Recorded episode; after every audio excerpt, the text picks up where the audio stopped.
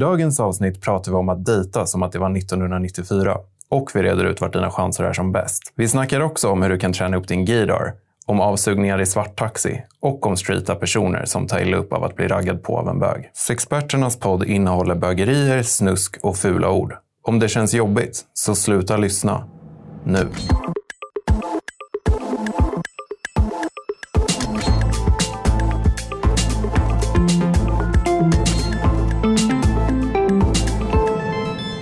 Välkommen till Sexperternas podd. Jag heter Niklas. Jag heter Jocke. Och jag heter Jon. Och idag ska vi prata om att dejta som att det var 1994. Men vad innebär det? Det innebär ju att man då dejtar helt enkelt utanför apparna. 94 är då en tid, long, long time ago, eh, innan eh, ens RFSL-chatten fanns, som var egentligen den första digitala plattformen som eh, bögarna dejtade på. Men uppenbarligen så har ju folk dejtat liksom i buskage, på operan, eh, i grottorna, hur länge som helst. Och det är ju någonting som vi kan göra fortfarande. Okej, men om vi börjar, vi måste börja någonstans. Vi börjar i det mest uppenbara, raggning på krogen. Funkar väl för de flesta, eller? Mm. Frågan är, eller så här, när man är ute på krogen kanske man inte vill hitta en, så här, en cute dejt. Utan då kanske det är mer att man vill hitta någon nice hångel kanske, eller något ligg, tänker jag. Sant. Mm. Men det gör väl inget? Nej. Men absolut, jag är helt med på att ja, olika, olika arenor kanske fyller olika funktioner beroende på vad man är ute efter. Mm. Jag tänker ja och nej. Låt höra. Ja, nej, jag tänker att det blir, jag menar när vi, när vi intervjuade inför dejtingboken så, så var det väl många som sa att, att uh, Grindr bara var för sex. Det fanns inget, man kunde inte hitta någon relation på Grindr. Liksom. Och nu sitter du och säger att, att krogen bara är för sex. Det blir deppigt någonstans. Och jag tänker också att folk, jag tänker att det lättast inte blir bara sex av det. Men jag tror att de som är på krogen är nog öppna för verkligen vad som helst. Inklusive då så här lifelong commitments. Liksom. Eller? Jo, men det är nog sant. I och för sig. Ja, okej, jag backar lite. Jag tar tillbaka lite av det jag sa. Alltså, man har ändå träffat många fina människor liksom så, på krogen. Och det är klart att det inte bara är fokuserat på sex. Men jag vet inte, bilden jag får upp i huvudet är kanske så här fem i tre-ragget. Liksom. Eller jag hoppade dit på en gång. Ja, men rimligt. Och om inget annat så är det väl i alla fall att så här, krogragget kanske börjar i ett ligg och sen eventuellt att det blir någonting, att det kan bli en eh, långvarig relation. Mm. Men det är ju sällan man hoppar från krogen direkt på en liten skogsfika. Det är ju ett knull där någonstans mellan de två sakerna. Precis. Mysigt med skogsfika. Eller hur? Ja. Min bästa, min bästa eh, utanför appar-arena. Men det kanske vi kan komma tillbaka till sen. Mm. Nu var vi ju ändå på krogen. Vi är på krogen. Vi är på krogen fem i tre. Du ligger. Vad gör du Niklas? Eh, när jag var på krogen och dejtade så, eh, jag vet inte, jag var väldigt dansgolvsorienterad tror jag. Jag tycker att dansgolvet var en sån plats. För då behövde man kan inte prata så jäkla mycket. Det var inte awkward att man skulle säga, gå fram till baren och säga Hej, du var en trevlig kille. Får man bjuda på en öl? Det var ju någonting väldigt st- uppstyltat med det som jag aldrig riktigt förstod mig på. Eh, däremot kändes dansgolvet alltså som en väldigt, naturlig, och positiv och glad plats. Och då var det lättare liksom att, att interagera med folk och dansa med folk. Och liksom, eh, Hur gör man det då? Ja, nu är det här härliga. Hur gör man det? Jag f- föreläste om hur man flörtar på en konferens och det var jättesvårt att försöka beskriva hur man flörtar på... Framförallt på så här, nu ska jag berätta för er hur man flörtar. Ja, men give it a try. Ja, give it a try. Oj. Eh, nej, men det handlar ju någonstans om, grunden är ju att säga, visa intresse utan att vara liksom, gränslös och desperat. Det är alltid en sån balansgång mellan, mellan de två bitarna. Är man för, liksom, jag, menar, jag tycker att Stockholms bögvärld så kan ju blicken för jag vill knulla dig och jag vill slå dig på käften se lite likadan ut. Just det. Ja, det är svårt tycker jag att läsa in folks vilja. Att folk sänker blicken och ser lite arg ut istället för att kanske ge ett leende istället. Som är definitivt mycket mer inbjudande. Man kanske tycker att ens liksom, Instagram liksom, pose är det man är ens bästa sida och det är det man då ska visa upp. Men det blir en förvirring tänker jag. Så jag är helt för liksom så här, leenden, håll kvar blicken lite grann utan att vara creepy igen. Återigen, balansgången däremellan. Liksom. Och märker man att, man får, att man, blickarna möts några gånger, men då är det klart att man, att man kan börja närma sig varandra på något sätt. Liksom. Det låter också väldigt schematiskt, vilket på sätt och vis är också. Det handlar ju om någonstans att, precis som vi pratade om tidigare avsnitt, om det här med eh, nakenbild och sådana saker. Det handlar ju om någonstans att hur leder man fram till det? Första fotot är ju en selfie, andra fotot så ligger man kanske med täcket uppdraget. Nästa bild så har man täcket lite neddraget och så får man tillbaka och då blir man bekräftad i det. Och det är exakt samma typ av liksom, nästan koreografi. Liksom. Mm, det är som en dans. Det är som en dans, helt enkelt. Eh, men som gör, en någonstans, gör att man minskar eh, frågetecknen eller liksom, eh, otydligheten. För det handlar ju någonstans också om samtycke, det också. Märker man att personen fråga inte möter din blick, ler inte tillbaka, rör sig inte mot dig. men då är han nog inte så jävla intresserad. Liksom. Då, det är ju bara för att gå vidare. Liksom. Mm. Jag håller med. Sen kan jag tycka att just så här, precis som du är inne på, så här, blickar kan ju vara väldigt svårtolkade och så här, vissa ser ju generellt sura ut. Jag till exempel. Och då kanske man, då är det en, det är en svår sak att basera sitt fortsatta raggande på. Så man kanske ändå får tillåta någon typ av så här, att man närmar sig lite grann. Och sen om man då märker att nej, okej, här verkar inte finnas något intresse. Då kanske man ska gå vidare. Ja, Men sen är, det, sen är det en tidsfråga också. Menar, man kan ju tycka så här, ja, men vi har hela kvällen på oss. Eller säga, ja men den här personen kommer ju säkerligen dyka upp nästa vecka också. Det kan ju finnas en trygghet i att man inte behöver stressa fram det. Säga, ja men det får hända när det händer, han är snygg, han brukar vara här. Okej, nice liksom. Eh, men det kan ju också innebära att, att personen i fråga hittar någon annan. Som har snabbare än en själv. Liksom. Så det, finns, det finns ju alltid den, den aspekten av flörtandet, att säga, någon annan hinner före. Och i stora städer så är det ofta en känsla av att alla är snyggare, smartare, roligare och bättre än en själv. Liksom. Och det är ju jävligt deppig. Men i, i, att det blir lite, liksom en tävlan nästan. För det tror jag att jag kommer ihåg att jag tyckte ganska ofta att det kändes mer som en tävling. Liksom. Och det är inte lustfyllt överhuvudtaget. Sen tänker jag här, en utmaning i eh, krogmiljö generellt och även på dansgolvet då blir ju det här med att en person kanske sällan står ensam. Man är ju ofta där med sina polare. Hur hanterar man det? Alltså min approach ute på dansgolvet, för jag tycker också dansgolvet är ett bra ställe att hitta folk på. Um, dels ut och försöka ha så kul som möjligt. Eller är man killen som är där och har kul så drar det folk till sig. Och det kan bli... eh, för det är ju en grej liksom, på gayklubbar. Man ser alltid de här eh, snubbarna som står i hörnen liksom, och spanar ut över dansgolvet och försöker hitta liksom, folk. Men det kan vara ganska tråkigt att närma sig kanske en person som bara står och stirrar i ett hörn. Eller så tänker jag. De växlar mellan, mellan stirra ut på dansgolvet och stirra ner på appen. Precis. Det kan jag säga. Jag kan- se folk sitta med Grindr på dansgolvet. Jag får alltid lust att ta telefonen och slänga den. Liksom. Jag blir verkligen lack. Jag tycker det är så jävla tråkigt. Men fan, nu är ni på en klubb med så här 300 pers. Var här. Var här. Sen förstår jag också att det kan vara lättare att säga att man är blyg, man känner att man inte riktigt så här, vågar mässa någon. Eller gå fram till någon. Då kan man hitta en person på appen istället. Jag fattar det. Men det är också någonting så att få kunna vara i stunden också. Ja, men jag håller helt med. Och det blir ju också ett sätt att, så här, för jag tänker annars så är ju, när man står och, om man står och dansar och liksom ska så här, den typen av raggande blir ju såklart väldigt eh, fixerad på så här, ett, att det växer ett intresse utifrån hur en person ser ut. Man har inte hunnit bilda sig en uppfattning om hur personen är. Nej. Man står i varsin ända av lokalen. Men om man då är så här, gud, fan vad han verkar ha roligt med sina polare. Eh, då gör man tolkningen en kul person. Det är ju mer attraktivt än just den här sitter i ett hörn, stirrar, Ja. är sur. Och jag tänker att det är en enklare approach som sagt om man är eh, liksom ett kompisgäng tillsammans. Så liksom kan man ena kompisgänget istället för liksom bara två pers. Eller liksom, är man ett gäng som är ute på dansgolvet och ser ut att ha väldigt kul, då hittar man oftast ett annat gäng som också ser ut att ha kul. Just Eller det. Lite så.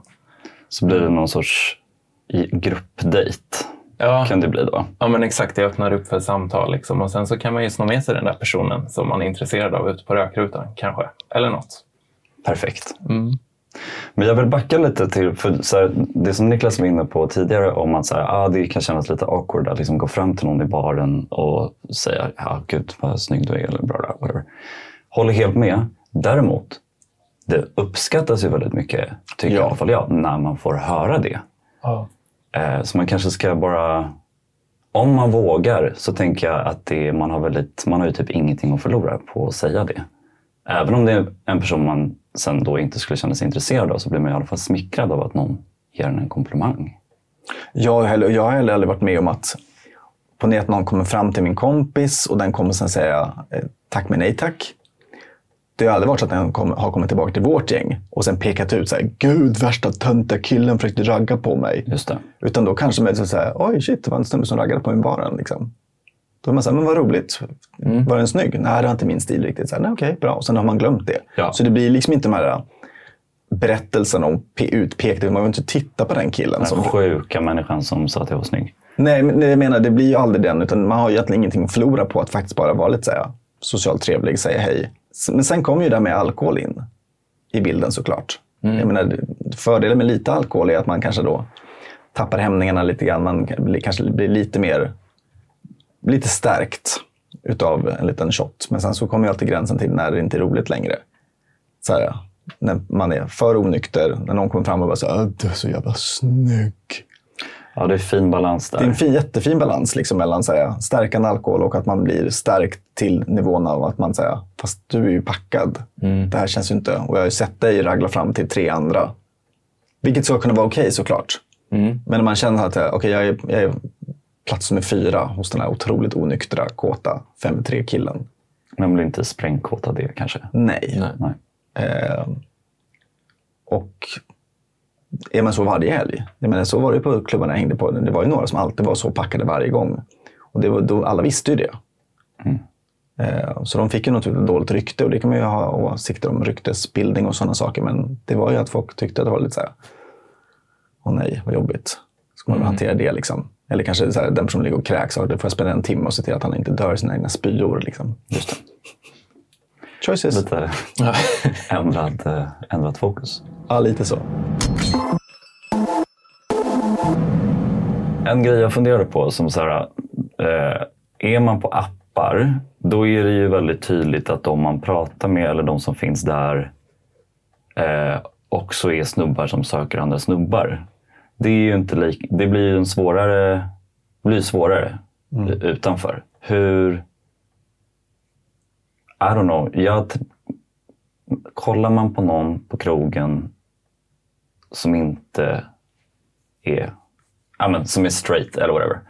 Då, det är väl sällan som någon person tar jätteilla upp över bara en, så här, en lite lång blick. Men är det någonting man...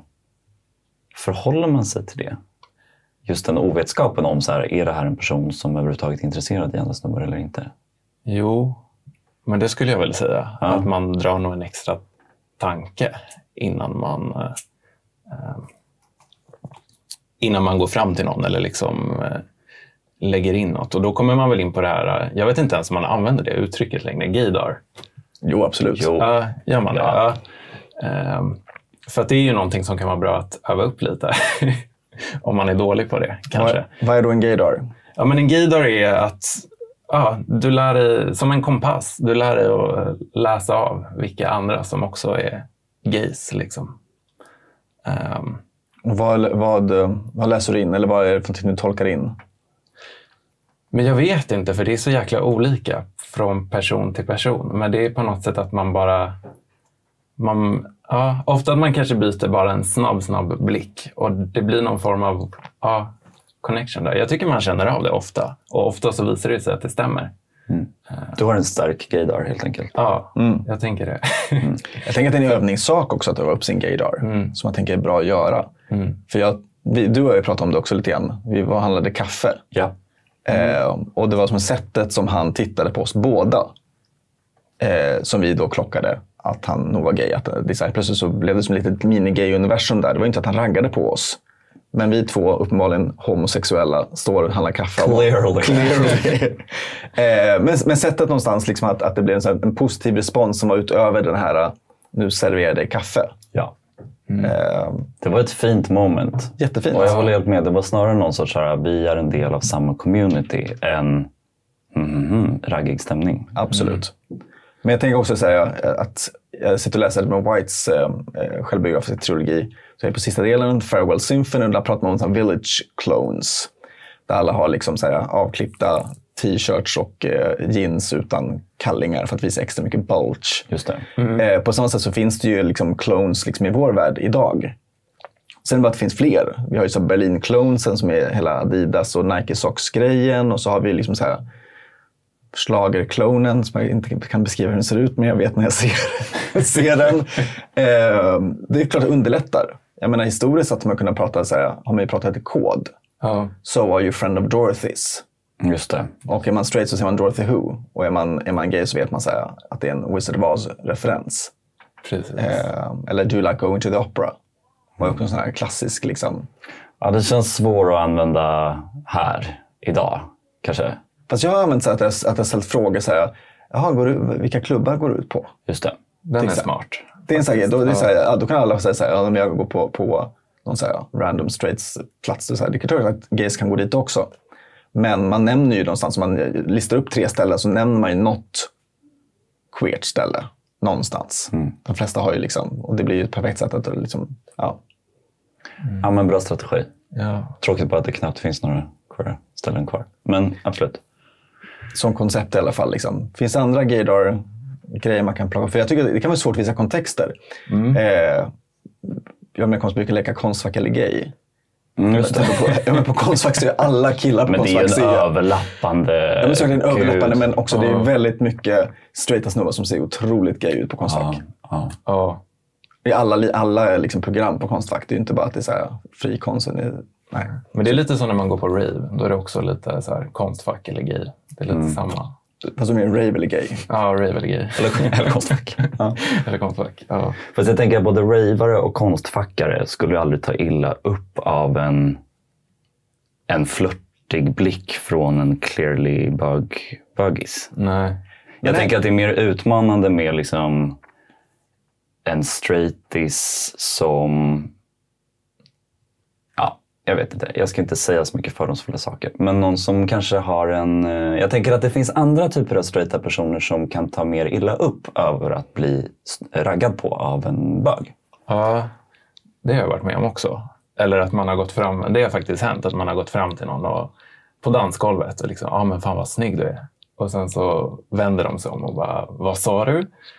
Um, men då som sagt, alltså, det blir väl mest så här kanske att det blir liksom som en liten ja, jag vet inte, en chock för dem eller någonting. Att de bara, aha, vad utstrålar jag för någonting? Men sen så, alltså det vänder ju snabbt också. Så får man ju bara skämta bort det. Bara, ah, nej men sorry, jag trodde du var en annan. Eller liksom så. Ja. Och som du säger, ofta så tar ju folk absolut inte illa upp. Speciellt kanske inte idag. Utan jag skulle säga att det är ganska fritt fram. Um, och framför allt med alla Berlin-gaysen liksom, som kommer hit och går på raves och sånt och sådana arenor som kanske varit mer uppblandat med straighta människor. Att liksom folk börjar bli mer och mer vana. Och lite, och lite smickrade ofta. Att de Ja. får bli så här, för att, oh, lite kittlande för att, att han trodde att han var lite gay. Liksom. Just. Men precis, jag har haft hetero-kompisar som tagit illa upp för att de inte blivit raggade på, till exempel, av gays. Ah, Okej, ja, intressant. Ja. Ska, vi liksom, ska vi flytta oss vidare i stadsmiljön eller? Kollektivtrafiken. Okej. Kollektivtrafiken. Vad har du att säga? Ehm, nej, men det är kul att, alltså... Ja, jag vet inte. Nej, men det är kul i kollektivtrafiken. Alltså, det är ju ett sätt att uppehålla tiden på. Och sitta och spana på lite folk ibland. Eh, och ibland har man ju tur eh, att man hittar någon. Ehm, men som du säger, alltså det är en svår miljö att eh, närma sig folk i naturligt kanske, för folk är inne i sitt egna, liksom på tunnelbanan. Um, men om du har en bra gaydar så lyckades, lyckas du ju oftast liksom spana ut de här snubbarna. Men när man är osäker så kan man ju då till exempel logga in på en app och se ifall personen dyker upp där. Så kan man ju lägga in stöten sen. Liksom. Men det är så svåranvänt med appar på kollektivtrafiken. Ehm, Just så här, närhetsprincipen, funkar det? När, när det är liksom på ett rörligt som rör sig. Jag vet inte. Man kan ju testa. Alltså ibland, ja. Mm. Men det finns ju andra sätt att röra sig i, i stadsmiljön och det är ju svarttaxi. ja. Vi har ju en kompis som, som eh, har ju en tendens att suga av folk i svarttaxis. Mm. Eh, hur går det till egentligen? Jag, jag syftar inte på dig. Det går jättebra. Nu ska jag, nu ska jag berätta. Ah, Okej. Jag har ingen aning hur det går till. Jag vet bara att, att det är en grej. Liksom. Ja, nej, men det är väl att man vill få gratis skjuts hem, tänker jag. Eller? Jag vet inte. Jag har ingen aning. Ah, Okej, jag trodde det var att man sög av någon annan i taxin. Men Nej. sög av eh, föraren. Ja. Mm, jag förstår. Ja, det tänker jag. Att Ja, man det- liksom, eh, alltså det är ju liksom mer kanske när man närmar sig slutdestinationen och istället för att betala så ger man dem en puss. Men hur... Men hur, återigen, hur, jag vet, hur hur? Gag. Ja, men- nej, men så här, hur går man från jag ska bli hemskjutsad till att jag liksom lägger handen på personens lår? Alltså, jag kan bara komma Återigen, på... det handlar inte då om Jocke. Nej. Nej, men Jocke har ett svar. Eh, ja, nej, men jag kan komma på en situation. Jag har varit med en kompis när det hände. Ehm, och då var det liksom, jag satt i framsätet bredvid taxichauffören och min kompis satt i baksätet. Men sen så har man ju den här backspegeln liksom där mellan mig och föraren. Och jag som satt bredvid föraren såg ju att föraren tittade upp i backspegeln bak på min kompis som tittade tillbaka. Så jag såg att det blev någon connection däremellan. Och sen så ska vi liksom trilla ur taxin när vi kommer fram. Så jag kliver ur. Men då har liksom min kompis, när jag vänder mig om, har klättrat liksom från baksätet fram i framhissen. Liksom, och, ja, i princip. Och, ja. Så, så gick det till. Ja. Nej, men jag tänker samma. Alltså, det är väl liksom gemensamt för alla de här miljöerna. Det börjar ju med blicken. ja. Till att man klättrar över Och sen så växelspaken. ligger du där på växelspaken och då är det ju bara att åka av. Slappna av. Ja. Men, Ja, men jag tänker, ja. att, jag tänker att det borde finnas någon, någon chans till att... Jag vet inte. För jag tänker att alltså, ja, det är mycket, alltså, som du säger, mycket är ju med blicken, tänker jag. Ja. Det är inte som att man säger oj, jag är inte så sugen på att betala, kan jag suga av det? Eller jag menar, så här, det, det är ju liksom, och kanske inte heller att det bara direkt är en hand på låret. Det, Nej. jag tänker att det är helt givet att det börjar med blicken. Mm. Är blicken kvar? Utan att man säger någonting. Så börjar man slicka I den här på fingrarna. tysta blicken, precis. Mm. och sen är det ju hej. Ja. Ja, men ögonen är ju fönstret till själen, eller vad är det man brukar säga. Det är en bra grej att öva Just upp det. om man vill ragga ute på stan, tror jag. Det är att läsa av folks... Alltså, Nej, the eyes of the Blickar. nipples to the soul. Nej, det. Bröstvårtornas ögon i själen. Det är Men bara... vad är det från? Det är ju från eh, The eyes of the nipples of the face. Är det? Anna Faris. ja, the eyes det. are the nipples of the face. The eyes of the nipples of the face. Okej. Precis. Där var det. Nej. Just det. Då med det... Det känns ju också som att det här med svarttaxi kan vara en potentiellt farlig sak att göra också. Ja, Mm. Du tänker så. Vår tekniker Emil kommer in med, kommer in med en, en, en bra poäng. Vi hade inte alls tänkt på det. Ja, men det är klart att, att, att jag menar, vara själv med någon man inte känner i en bil kan, kan vara farligt. Jag menar, det är ju dejting överlag. Att bli upplockad av någon person man har hittat på Grindr och bli vägkörd till någon jävla stuga. Liksom. Det är klart det finns en fara kopplat till det. Mm. Och där handlar det om, om, om att det inte är förförhandlat vilken situation det är. Eh, det är klart att det, är, man, är man på en app så är det förförhandlat någonstans. Men vi är nog på något sätt lite queers allihopa. mm. Eh, och där kan man också skriva liksom att man säger, ja, men du vet, letar sex eller har en öppen relation eller vad man nu har för liksom, relationsstatus. Och då blir det förförhandlat redan. Och då är, det, då är det värsta som kan hända att man får ett nej eller att det inte blir en andra dejt. Liksom. Det är klart, i den offentliga miljön, oavsett om det är svart taxi eller på en straight klubb, så finns det hela tiden att det kan vara otydligheter som gör att folk kan du, vet, flippa. Liksom. Det finns ju en större risk. Ja. Mm. Sen tycker jag att jag, jag tycker inte att, att jag känner till jättemånga sådana fall. Fall bland mina kompisar. Men det är klart att jag har läst fall och vet att det har gått illa för folk. När det, I just situationer där det inte varit förförhandlat om vad det är för typ av relation. Liksom. Mm. Men där kommer ju gaydaren in som en jätteviktig del. Ja, det, jag tänker verkligen att det, är, att det är superviktigt att öva upp den Ja. lite grann. Mm. Oavsett vilken kontext du befinner dig För att inte hamna i situationen att, att någon slår dig på käften eller liksom vill dig illa. Ja, och det, vi måste bara vara tydliga. Så här, åk taxi med någon annan. Helst. Ja. I alla fall om du ska suga av personen.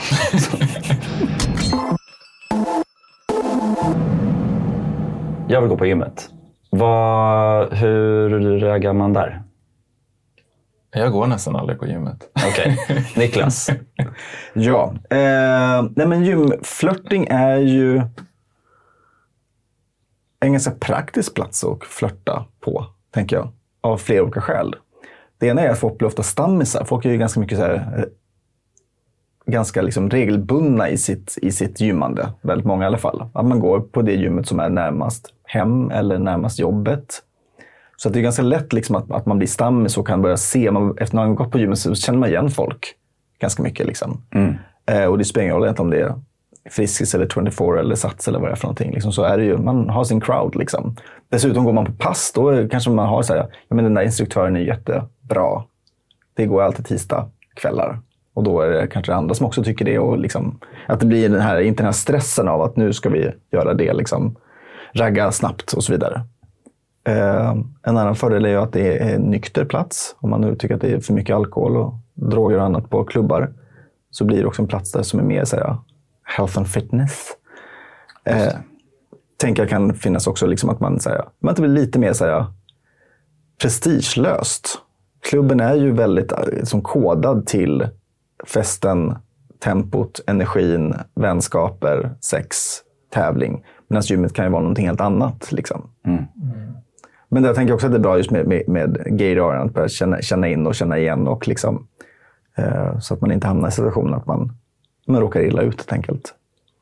Ja, för alltså gymmet är ju en sexig plats, eller liksom, tycker ju många också. Eller så här, det är svettigt, man är där och rör på sig. Eh, Det går lite hand i hand med bastukulturen och cruisingställen också, tänker jag. Ja, men gymmen är också skapade på sätt att man rör sig ganska mycket i lokalen. Det är sällan man går till, ett- till ett hörn på gymmet och står i det hörnet. Utan det man gör är att man det är ju skapat som en labyrint. Liksom, att man ska gå runt och man ska byta maskiner och sen så jobbar man med olika kroppsdelar. Och det skapar också en ganska naturligt sätt att liksom förhålla sig till andra personer. Dels att ögon möts, men också man, man tar gymmaskinen bredvid. Liksom. Då sitter man där fem minuter mitt emot varandra egentligen och ska jobba med olika muskeldelar. Då är det ganska lätt att säga, märka, finns det inte intresse eller inte? Tänker jag. Eh, Men hur vanligt är det med killar som raggar på gymmet? För mig som inte går på gym. Jag Liksom, tänker att det eller händer lite på, ja, oh. Men tänk att det är lite olika från, från gym till gym såklart. Men det känns ju också som, i alla fall i en Stockholmsmiljö, men säkert på andra ställen också, att det har etablerats inofficiella böggym där liksom olika vad heter det, alltså specifika center hos en viss kedja har blivit eh. Och då, det är väl superraggig stämning där. Då tycker jag att det är sällan som man kan använda bastun utan att folk runkar lite. Absolut. Eh, de flesta gymmen har ju en så tydlig policy att man inte får ha sexuella, de kallas otillåtna beteende, eller brukar det stå när det sätts upp en det. skylt. Nu har vi stängt bastun, PGA. Det har förekommit aktivitet som inte var tillåten och det är ju kod för att folk har haft sex i den. Liksom. Eh, och det är ju det är en, det är en balansgång. Jag menar, å ena sidan så, så är ju liksom, som du är inne på Jocke, att det, att det är ju platser som är sexuella, som är spännande och är liksom subversiva och det ena och det tredje. Liksom. Å andra sidan så är det också en offentlig miljö där folk ska kunna gå och liksom kunna gymma och basta och faktiskt vara i fred oavsett om man är gay eller inte. Ehm, Så det är alltid en sån här finkänslighet och det pratar vi ganska mycket om när det kommer till olika typer av cruisingkulturer. Att det handlar ju någonstans om att kunna, kunna vara där man är och göra det man tycker om men inte dra in andra människor i det. Man måste ju kunna liksom säga sitta i bastun och ta det lugnt utan att känna att här, oj, nu är jag vägen för de två vill, vill ha sex. Liksom. Men då på de här liksom, uttalade liksom, gaygymmen, liksom, det kommer ändå liksom, straights dit också? Jo, Eller rör de sig undan då till andra Nej, men det är väl, det är väl en, absolut att det är mixat vilka som går dit. Men jag tänker kanske att, eller jag är osäker på hur det funkar med just bastuarna. Men Jag tror att straighta undviker bastun på, på ett par gym i Stockholm. ja, För jag tror att alla vet, vet någonstans att det är, och personalen vet ju också. Det är liksom underförstått. Det är underförstått och det är liksom... Eh, en bastu som jag var på så hade ju stängt och då sa ju personalen att det är för att de, de homosexuella har haft sex där. just det. Jag tyckte att det var ganska eh, otrevligt. Det var ju sant. Det var ju så, men den kollektiva bestraffningen tycker jag är problematisk. Jag tycker att det är så här, man har en riktlinje som, som är att man inte får sex i bastun. Ja, men då får man väl stänga av folk på ett rättssäkert sätt då.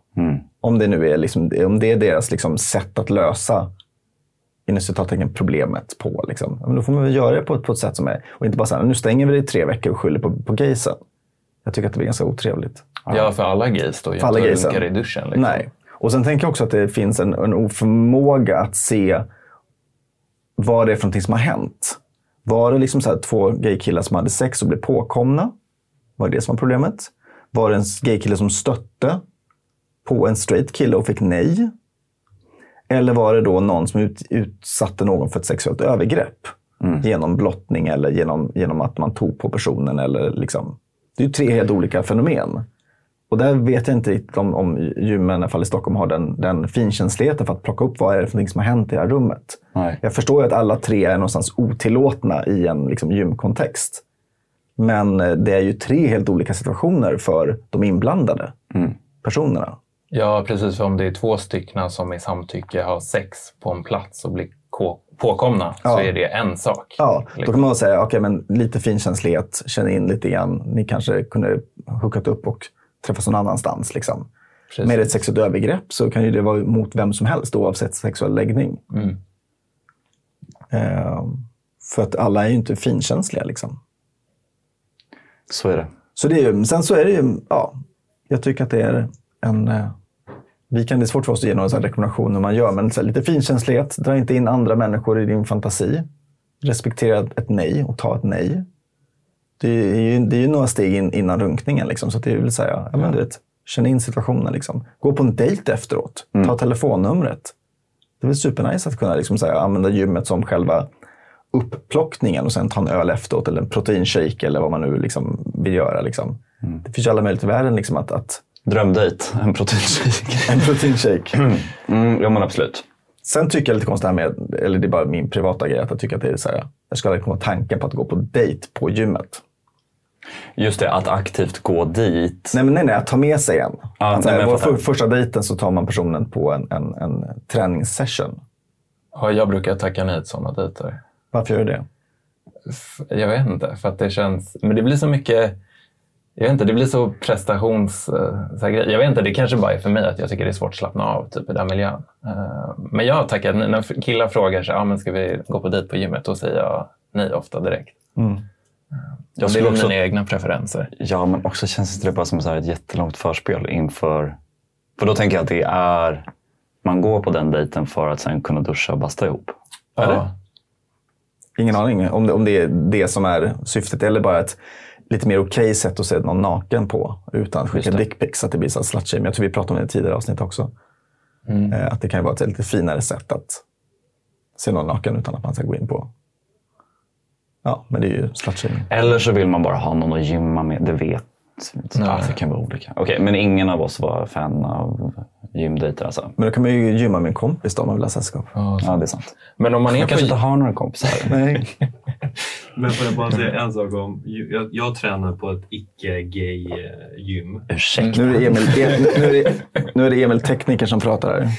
Och jag tycker att det där med gaydar på gym tycker jag är lite krångligt. För att det är verkligen så här, gym är en plats för straighta personer att worshippa varandra.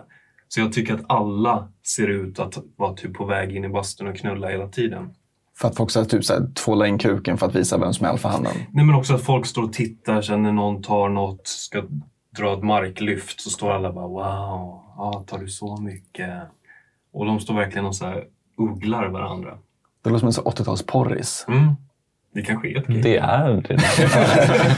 Du är mitt i en porrfilm. Tack Emil-teknikern. Tack för det bidraget. Eh, är vi klara på gymmet eller har jag vi något tänker, mer? alltså om man då vill plocka upp någon på gymmet, om man är där och tränar, hur går man till, eller liksom, hur går man tillväga? Jag tänker att det är samma som på en klubb egentligen. Att man bara försöker få, så här, f- försöka lista ut, är personen gay, är personen intresserad? Och sen så antingen så får man bara klampa, hitta det här svepskälet av att små prata kring hantens liksom, vikt, Utformning. utformning.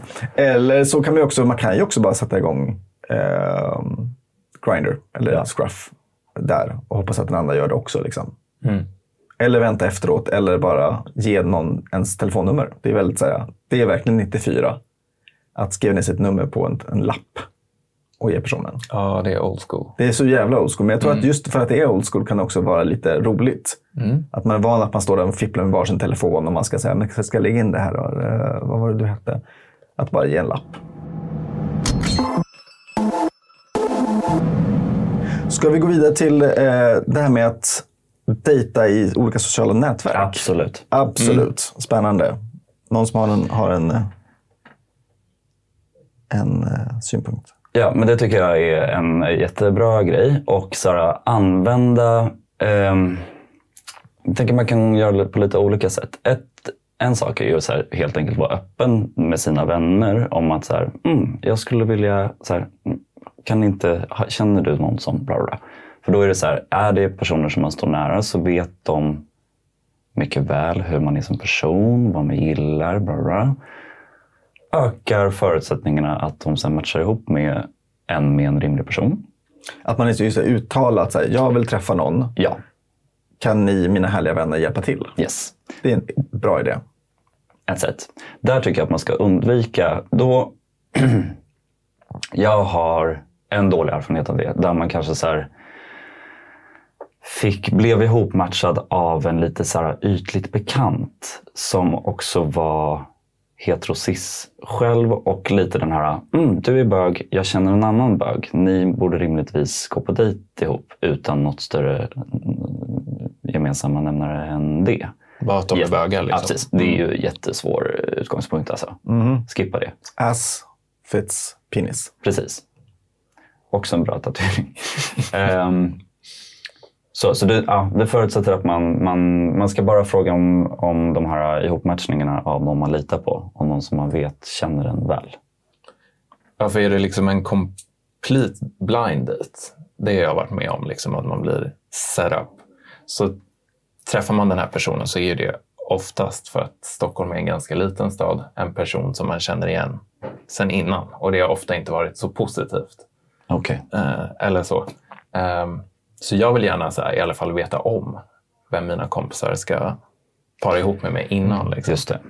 Du dyker inte bara upp. Liksom. Nej. Fördelen att, att be sina andra queera vänner är att de sitter på kanske lite större, större queera nätverk än vad en straighta cis-vänner gör. Yes.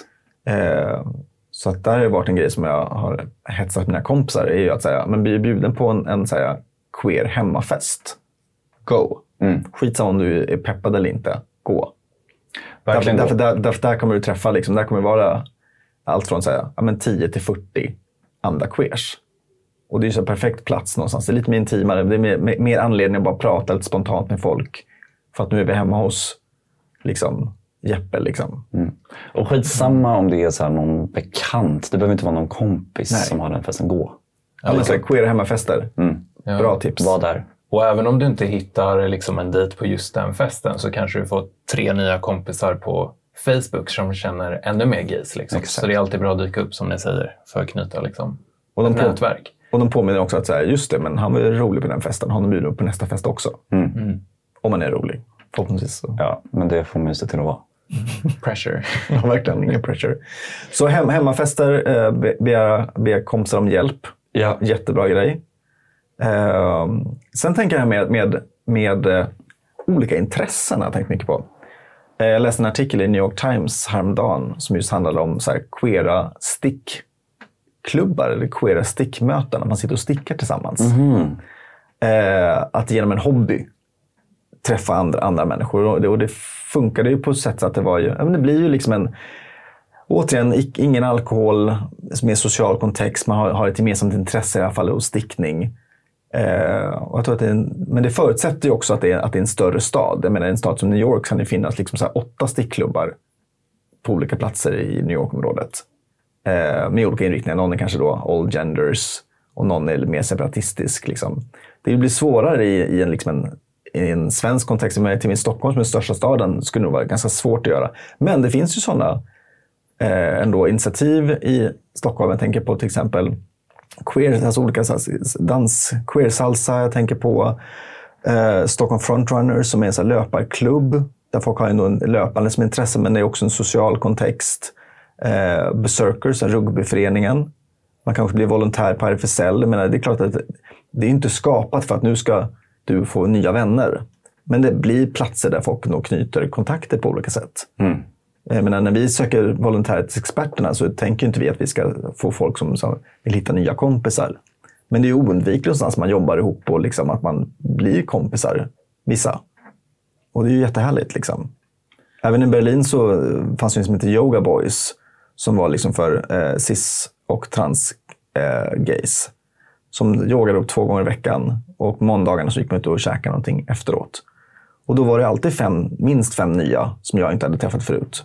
Varje enskild vecka. Och då blev den här rotationen på folk som blir eh, en annan grej om man har bara, bara en, citattecken, bokcirkel till exempel som är med ett slutet sällskap. Men det finns väl här också, bög, bögyoga? Det har funnits omgångar. Eh, har det varit. För det tänker jag så här, det känns ju också som en ganska... Det är ju en intim och fin miljö att också kanske bygga upp en lite flörtig stämning. Jag personligen har lite svårt att se det i stickning. Alltså, ja, men det kanske bara jag. Nej, men jag, tänker, jag tänker absolut att det är klart att det blir en annan grej.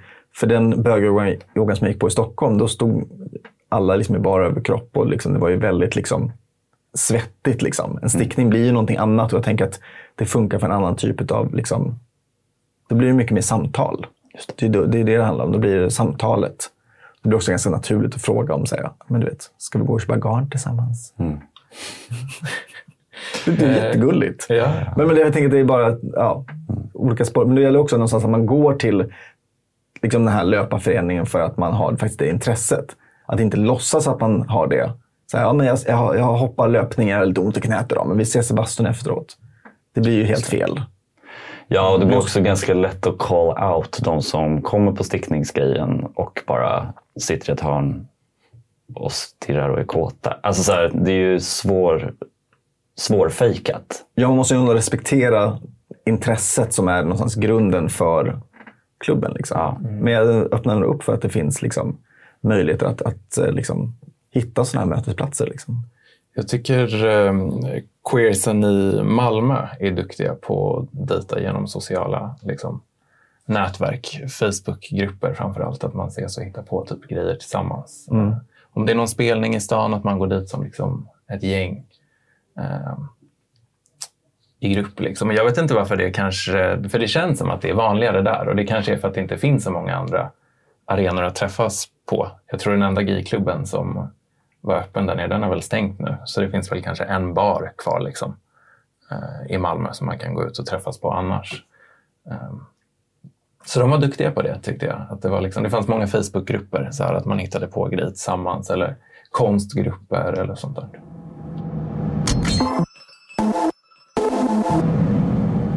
För att avsluta. Eh, Sexperterna finns också på Instagram och där kommer det ligga en bild som står då fjärde avsnittet på eller någonting liknande. Och där kommer vi då i texten länka till lite olika klubbar, föreningar, events eh, utifrån det vi pratat om med mötesplatser, eh, springklubbar och annat. Yes, och jag tänker nu, mycket av det vi har pratat om idag har varit ganska storstadsfokuserat så det kanske inte är superrelevant för personer som bor på mindre platser i Sverige. Men då, ett tips då är att man kan höra av sig till sin närmsta RFSL-avdelning. Det finns hur många som helst runt om i landet. Antingen så kan de tipsa om ställen eller så kanske man kan dra ihop någonting själv.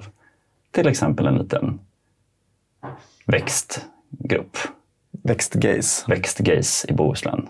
Det finns Växtgays klubb på Facebook vet jag. Ja. Ehm, Bra tips. Ja, men det bara kändes som att vi sitter och så beklagar oss över att det inte finns några queer-klubbar i Stockholm. Det kändes lite... Det, ja. Ännu större brist på andra ställen. Lite Så, ödmjukhet helt ja, enkelt. lite ödmjukhet mot slutet där. Tack för idag. Tack för idag. Tack Hej då. Det här var en podd från Sexhälsan på RFSL Stockholm. Ansvarig utgivare är Martin Haldin. Den här podden spelades in 2019. Musiken är gjord av Random Notes. Om du har några tankar kring det vi har pratat om eller frågor om sex och relationer, då kan du messa oss på Cruiser, Facebook eller Instagram. Där heter vi Sexperterna. Om du gillar oss, glöm inte att subscriba.